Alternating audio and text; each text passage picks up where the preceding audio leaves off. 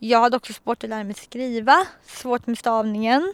Så, så att jag trodde inte att jag skulle kunna bli författare. Jag trodde att det var omöjligt. Men sen blev jag det i alla fall. Älskar du Huddinge? Åh, oh, Huddinge! Jag har vuxit upp här. Älskar du Huddinge? Ja, det är bra. Det är, det är en bra kommun. Jag gillar att bo här. Ja du, Huddinge är underbart. Det är ett perfekt område jag bor. Älskade Huddinge. Älskade Huddinge.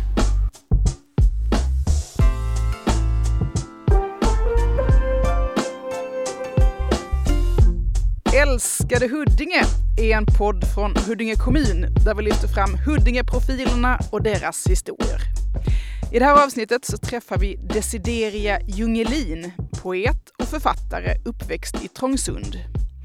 Desideria är 23 år, har en synnedsättning och autism och hade det rätt så tufft i skolan. Men hon kommer ihåg uppgiften på mellanstadiet som fick det att lossna och som blev som startskottet för hennes skrivande. Jag har alltid gill, haft, fått höra att jag var liten att jag hade mycket fantasi. Men jag hade väldigt svårt att lära mig skriva så jag tyckte ofta att det var tråkigt. Ofta var det så väldigt bestämda uppgifter. Men så hade vi en lärare i mellanstadiet och i slutet av sexan då hade vi som ett projekt i svenska att på egen hand skriva en längre berättelse eller som en bok. Och eh, då så började jag skriva en historia och den var som en eh, dagbok fast det var en berättelse och då tyckte jag att det var så kul att jag gjorde mer läxor än vad jag var tvungen. I vanliga fall satt man ju räkna raderna för att bli klar så fort som möjligt men det här tyckte jag verkligen var kul. Och sen började jag skriva mer och mer för att jag var ledsen. Men det hjälpte ofta att skriva för att sen började jag skriva dikter något halvår senare. För att jag orkade inte skriva dagbok och när jag började skriva dikter, den här berättelsen tyckte jag var roligt men dikterna var det egentligen tänkt att ingen skulle få läsa. Och Desideria vill framförallt lyfta fram Therese som var den här läraren på mellanstadiet på Edsboskolan i Trångsund som fick henne att börja tro på sig själv. Ja, vi hade henne från fyran till sexan. Hon hette Therese och eh, hon var en väldigt bra lärare. Jag trivdes inte så bra i den skolan men hon var väldigt så kreativ. Väldigt bra på att engagera eleverna. Även om vår klass var en stökig klass så var det ofta ordning på hennes lektioner. Och hon var, alltså jag tyckte väldigt mycket om henne som person och hon fick mig att tycka att de flesta ämnen faktiskt kunde vara ganska roliga. Och det var hon som gav mig beröm och sa att hon tyckte att jag hade gjort en bra berättelse också och det var väldigt kul att få höra.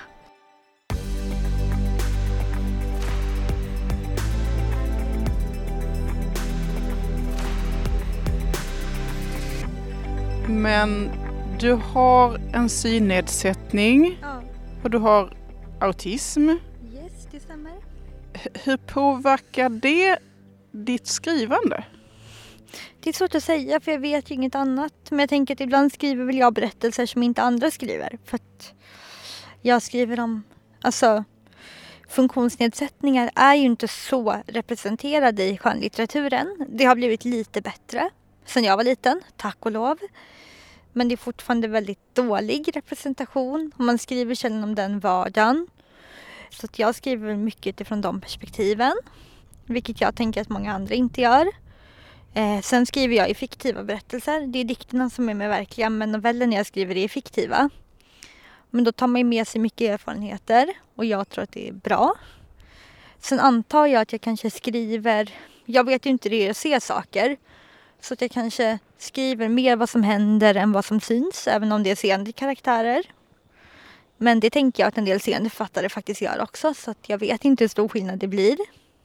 Om man har en funktionsvariation, blir det här en del av någon slags synliggörande eller kamp? Kan du berätta om det?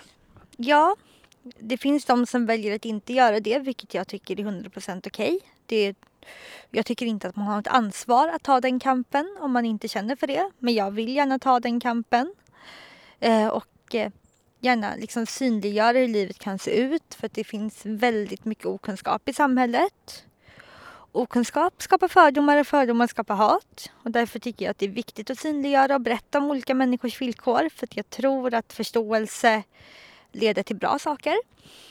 Ofta så är en personlig berättelse, även om den är fiktiv, eller en dikt som är känslosam, lättare att ta till sig och förstå än liksom debattartiklar eller tunga faktarapporter. De behövs också. Men för två människor att liksom känna med personer eller förstå så är liksom skönlitteraturen väldigt bra att jobba med. Och det är väl därför jag har valt att jobba så mycket. Alltså människor med funktionsvariation är lika olika som alla andra människor. Men vissa saker är ändå gemensamma. Och, och, vilka, är de gemensamma grejerna då? Oh. ja, nu finns det säkert människor som inte håller med här också. Men jag tänker att alltså svårigheter att passa in och ett utanförskap tror jag är ganska gemensamt för många tyvärr. Och att liksom leva i ett samhälle där man inte passar in tror jag tyvärr är väldigt... Och att man får kämpa mycket mer för att göra saker. Det tror jag tyvärr är väldigt gemensamma nämnare. Sen vad man kämpar för och hur hindren ser ut, det kan ju variera enormt. Hur har hindren sett ut för dig? Oh, ja du, de är så många så jag har inte riktigt orkat räkna dem. Men det är mycket att så här...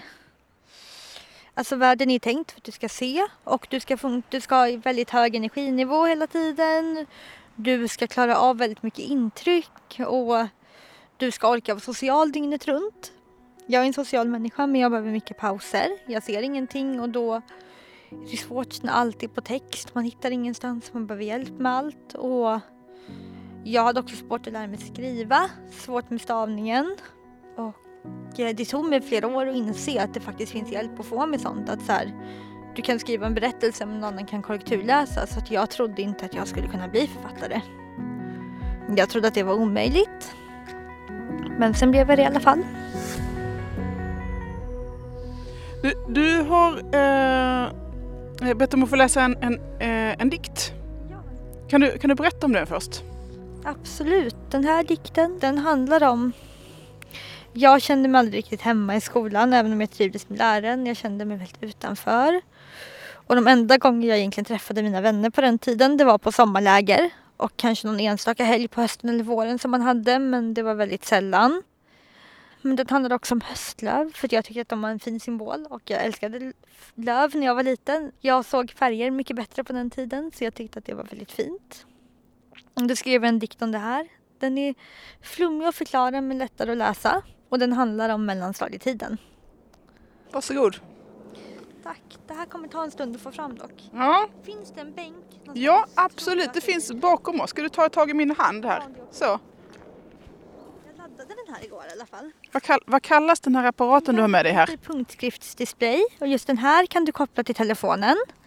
Det finns sådana du kan koppla till datorn också.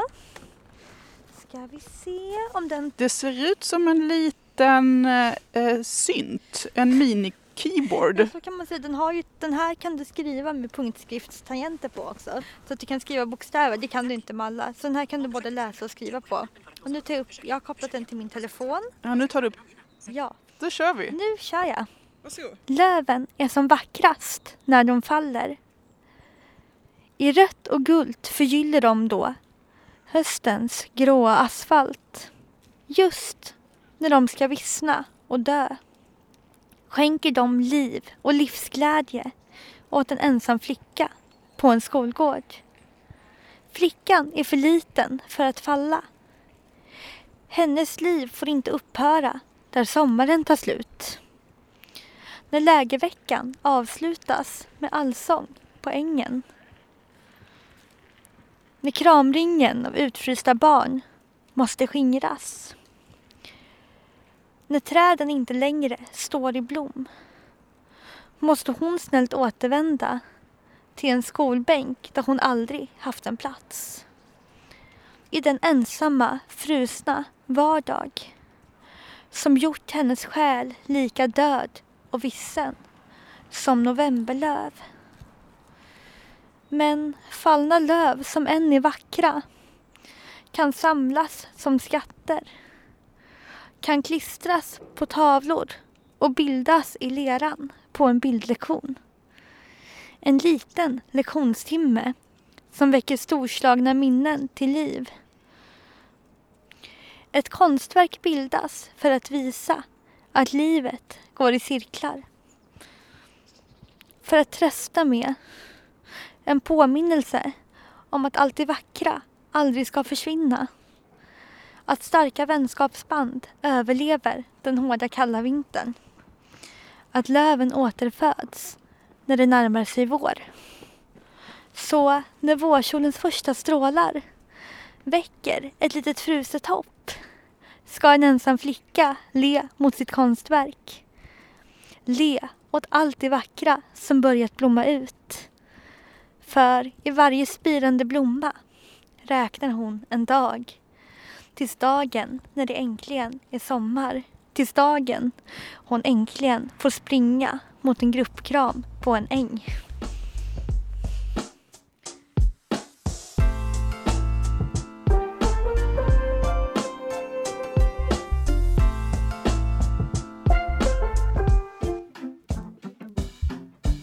Podden Älskade Huddinge görs av Huddinge kommun.